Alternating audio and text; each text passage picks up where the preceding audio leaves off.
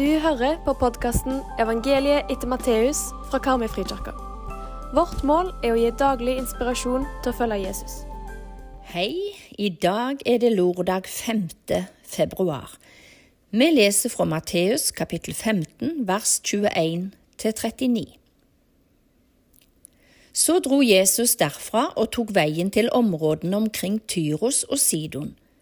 En kananesk kvinne fra disse traktene kom og ropte, Herre, du Davids sønn, ha barmhjertighet med meg, datteren min blir hardt plaget av en ond ånd. Men han svarte henne ikke et ord. Disiplene kom da og ba ham, Bli ferdig med henne, hun roper etter oss. Men han svarte, Jeg er ikke sendt til andre enn de bortkomne sauene i Israels hus. Da kom hun og kastet seg ned for ham og sa, Herre, hjelp meg! Han svarte, Det er ikke rett å ta brødet fra barna og gi det til hundene. Det er sant, herre, sa kvinnen, men hundene spiser jo smulene som faller fra bordet hos eierne deres. Da sa Jesus til henne, Kvinne, din tro er stor. Det skal bli som du vil. Og datteren ble frisk fra samme stund. Da Jesus dro derfra, tok han veien langs Galileasjøen, og han gikk opp i fjellet og satte seg der. Store folkemengder kom til ham, og de hadde med seg lamme, uføre, blinde, stumme og mange andre. De la dem ned for føttene hans, og han helbredet dem. Folk undret seg da de så stumme tale, uføre bli friske, lamme gå og blinde se, og de lovpriste Israels Gud. Jesus kalte disiplene til seg og sa, Jeg synes inderlig synd på folket, de har alt vært med meg i tre dager, og de har ikke noe å spise. Jeg vil ikke sende dem sultne av sted, for de kan bli utmattet på veien. Disiplene sa til ham, Hvordan skal vi skaffe nok brød her i ødemarken til å mette så mye folk? Jesus svarte, Hvor mange brød har dere? Sju, svarte de, og noen småfisk. Da ba han folket sette seg ned på bakken. Så tok han de sju brødene og fiskene, ba takkebønnen, brøt dem og ga til disiplene, og disiplene ga til folket. Alle spiste og ble mette. Etterpå samlet de opp brødstykkene som var til overs, sju fulle korger. De som hadde spist, var 4000 menn, utenom kvinner og barn. Da han hadde latt folket dra av sted, gikk han i båten og kom over til traktene ved Magadan. Hvis vi ser først på det første avsnittet, så møter vi jo ei dame som var i stor nød. Hun hadde ei datter som hadde ei vond ånd, og hun ba inderlig om hjelp. Men Jesus svarte henne ikke. Og disiplene de kom jo til Jesus og sa at du må, du må få henne vekk. Og Jesus han begynte å snakke om at han var kommet for å frelse de bortkomne sauene av Israels hus. Men denne mora hun ga seg ikke. Hun ba igjen og uttrykte tydelig at hun forsto hva Jesus mente med at han var først kommet til Israels hus, og ikke til hedningene. Kjenner du deg igjen? Ber du om hjelp, og så virker det ut som han ikke hører Jesus? Og du kan gjerne spørre, ja, gjelder ikke løftene meg? Å jo da, Løftene gjelder både deg og meg og oss alle.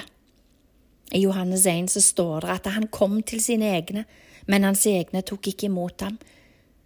Men alle dem som tok imot ham, dem gav han rett til å bli Guds barn, de som tror på hans navn. Det er nydelig at Jesus er kommet for alle, ikke bare for jødene, men til oss alle sammen. Og dama her i Matteusevangeliet, hun fikk oppleve at Jesus han stanset opp, han hørte på henne, og han svarte henne. Han sa til og med til henne, din tro er store, det skjer sånn som du vil. Og så skjedde underet. Han stanser opp for deg òg, han hører på deg òg. Og videre i teksten så leser vi om flere som fikk oppleve helbredelse, til store glede, oppmuntring og hjelp. Og så ble jo Gud lovpriste, da. Det er viktig å minne oss om at vi òg kan få lov å be om helbredelse, for oss og for andre. Og la oss heller ikke glemme å takke og lovprise Han for det som Han gjør, og ikke minst for den Han er.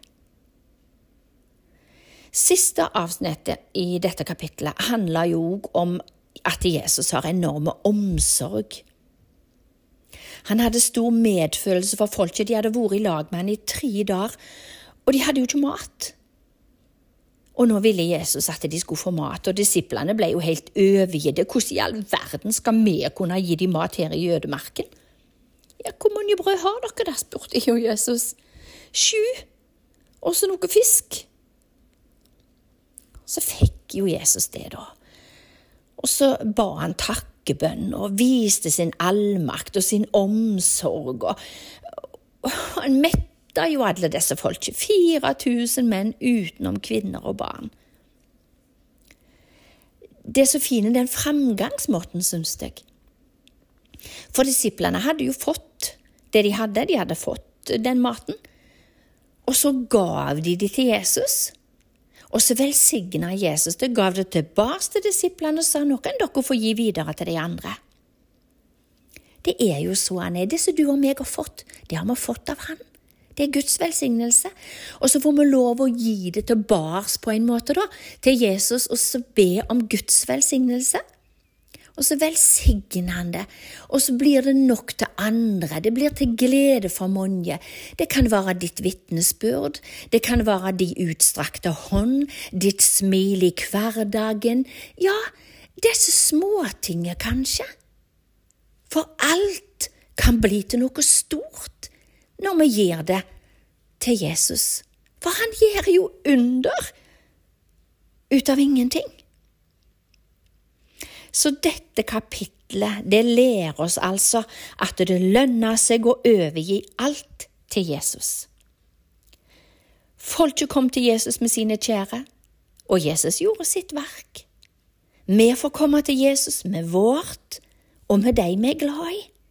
Han gjør fortsatt under fordi han er under. Kjære Jesus, nå kommer vi til deg i dag òg, med vårt liv, det vi har i vårt hjerte, og så ber vi, gjør ditt verk.